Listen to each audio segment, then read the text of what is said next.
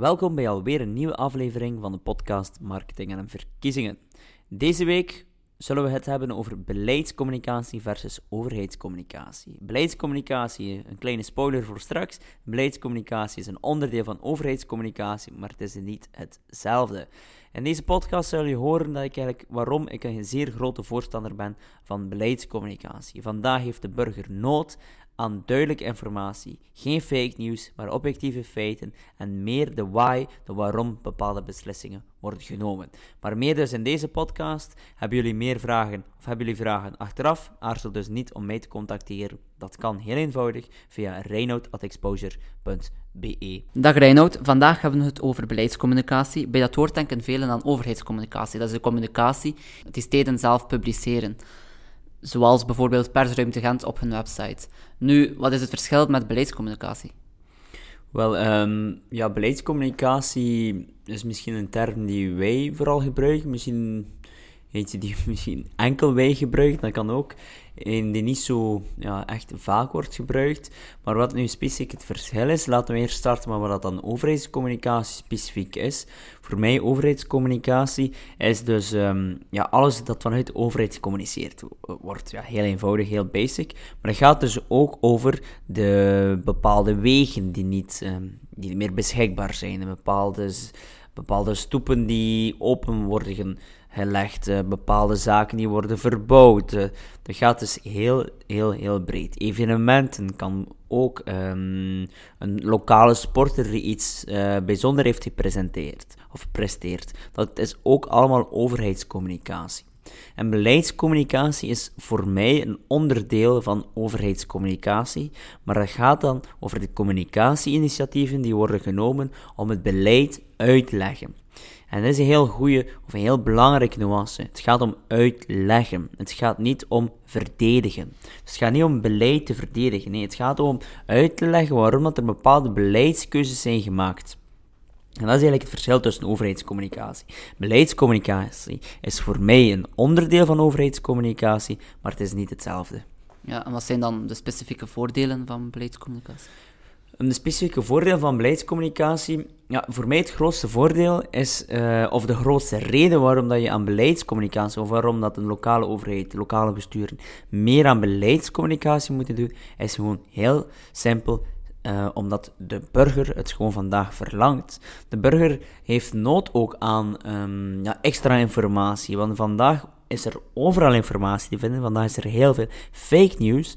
Als je dan niet een een alternatief aanbiedt, dus niet zelf proactief gaat bepaalde zaken uitleggen, ja, dan zijn er heel veel misverstanden. En we zien dat dus vandaag ook online, dat er heel veel verkeerde zaken online worden gepubliceerd, dat er heel veel verkeerde, onnuttige of onzinnige discussies worden gevoerd over zaken die gewoon niet kloppen. En dat is heel logisch en dat is normaal, want er is geen andere informatie beschikbaar. Er is geen betrouwbare informatie beschikbaar.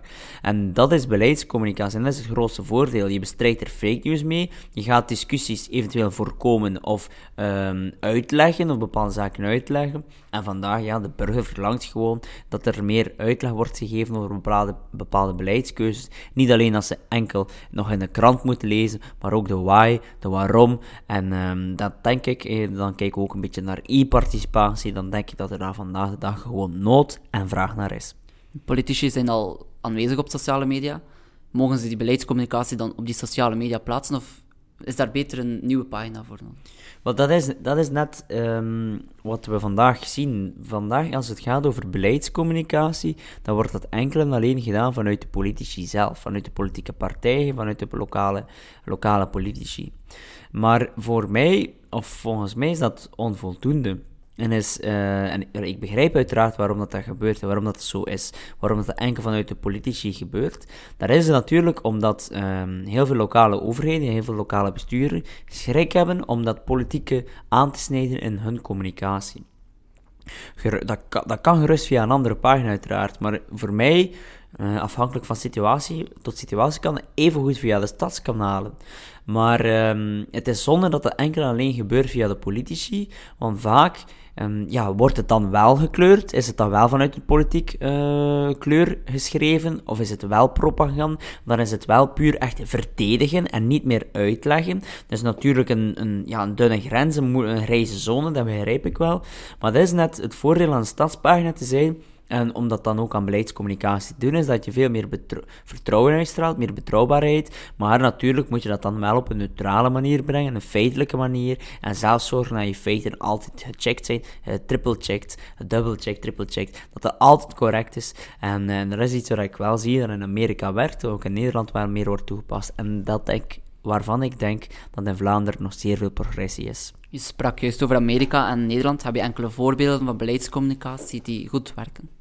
Wel, uh, in uh, december uh, zijn mijn collega Nicolas en ik zelf naar uh, Los Angeles en San Francisco gegaan. En hebben we daar de kans gehad.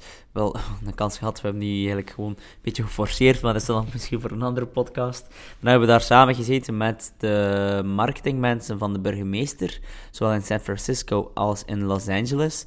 En zowel beide burgemeesters zetten zeer actief in vanuit de administratie, vanuit de medewerkers, zetten ze zeer, zeer actief in op beleidscommunicatie. Dus wat zij doen is echt beleid proactief gaan uitleggen en ook in interactie gaan met de, met de vragen. Dat wil zeggen dat ze als ze een vraag krijgen, dat ze echt getraind zijn om daar op een goede manier mee om te gaan. Dat ze ook gaan checken, dus opnieuw dubbel, triple checken, of hun antwoord wel klopt, of dat het objectief ook is. En dat gaan ze dan, dan ook gaan, uh, ja, gaan plaatsen online. Dus gaan ze echt in interactie met de mensen. En dat is voor mij goede beleidscommunicatie op een proactieve manier, duidelijke, eenvoudige manier, zodat iedereen het begrijpt en ook op een interactieve manier, als er uh, vragen komen, dat het huis niet in brand komt te staan, maar nee, dat je weet hoe dat je ermee moet omgaan, dat je er op een goede manier mee omgaat en dat je er op een objectieve manier mee omgaat.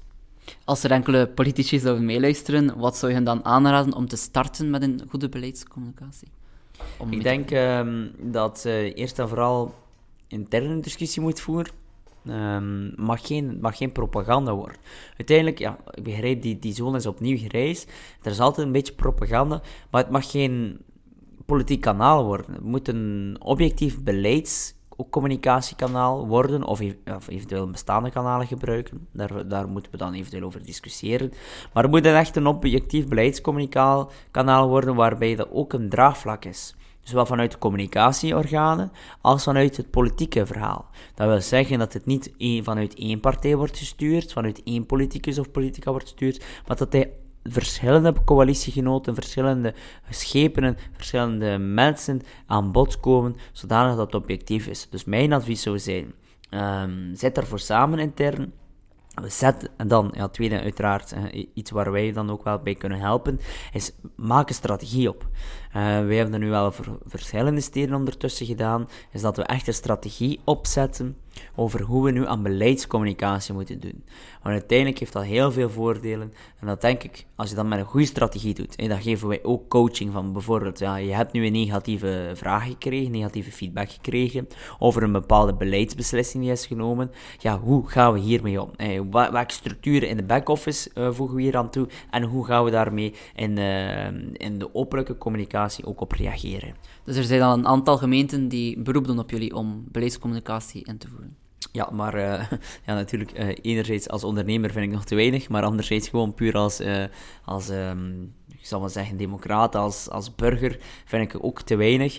Um, omdat, ja, ik vind dat er gewoon vandaag nood aan is. En, ik, en we merken dat ook, er is social media, de mensen verlangen meer de why, de waarom, de uitleg. En er is heel veel, er is heel veel te doen omtrent fake news, maar er wordt heel weinig mee gedaan. Dus er wordt heel weinig mee uh, proactief uh, rond gewerkt. Dus denk dat er vandaag echt, echt nood aan is.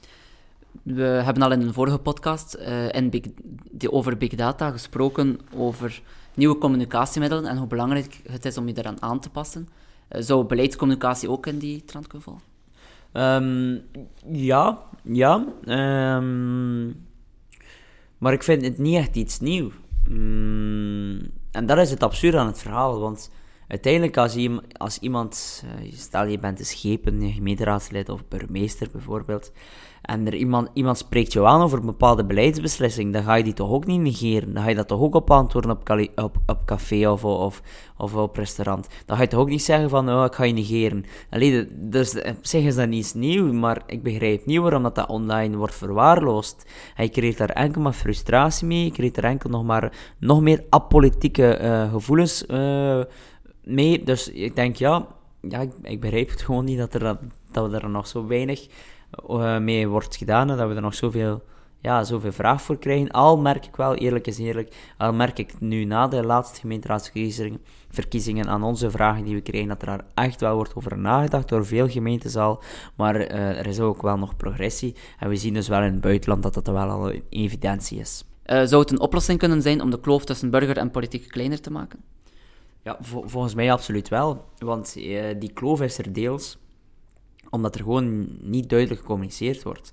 Gewoon omdat er, um, ja, aan een bepaalde beslissing hangt er heel vaak heel veel gesprekken Dus dat wil zeggen dat, dat heel veel mensen eerst worden geconsulteerd. In de meeste gevallen, ik begrijp uiteraard dat het niet altijd zo is, maar in de meeste gevallen worden er heel veel gesprekken gevoerd, heel veel vergaderingen gevoerd, heel veel consultaties gedaan met, experts. Maar de mensen weten dat niet, de mensen zien dat niet. Dus dan ik begrijp, dus dat is, dat is maar logisch dat die mensen dan gefrustreerd raken als ze een bepaalde beslissing zien passeren, terwijl ze het gevoel hebben, ja, dat is hier top-down beslist, terwijl dat, dat misschien helemaal niet top-down is beslist. Maar als, mensen, als je die mensen die informatie niet geeft, dan kun je toch niet verwachten dat ze dan ook zo denken. Er wordt veel te veel gepusht, er wordt veel te veel gestuurd, top-down gecommuniceerd, eenmalig, maar dan wordt het proces dan wordt overgelaten, omdat er een schrik is om te communiceren. En dan begrijp ik niet, durf in interactie gaan, maar je moet dat goed voorbereiden. Begrijp dat er soms negatieve reacties zijn, maar van alle negatieve reacties, of niet van alle, maar van de meeste negatieve reacties, kan je iets positiefs maken. Maar dan gaat het om coaching, dan gaat het om begeleiding, en dan gaat het om strategie, en dat is een investering, daar ben ik het mee eens, maar ik geloof absoluut dat dat de kloof tussen de burger, met, uh, tussen de, de kloof tussen politiek en de burger wel kan verkleinen. Ja, dat is een mooi statement om deze podcast mee te eindigen over beleidscommunicatie.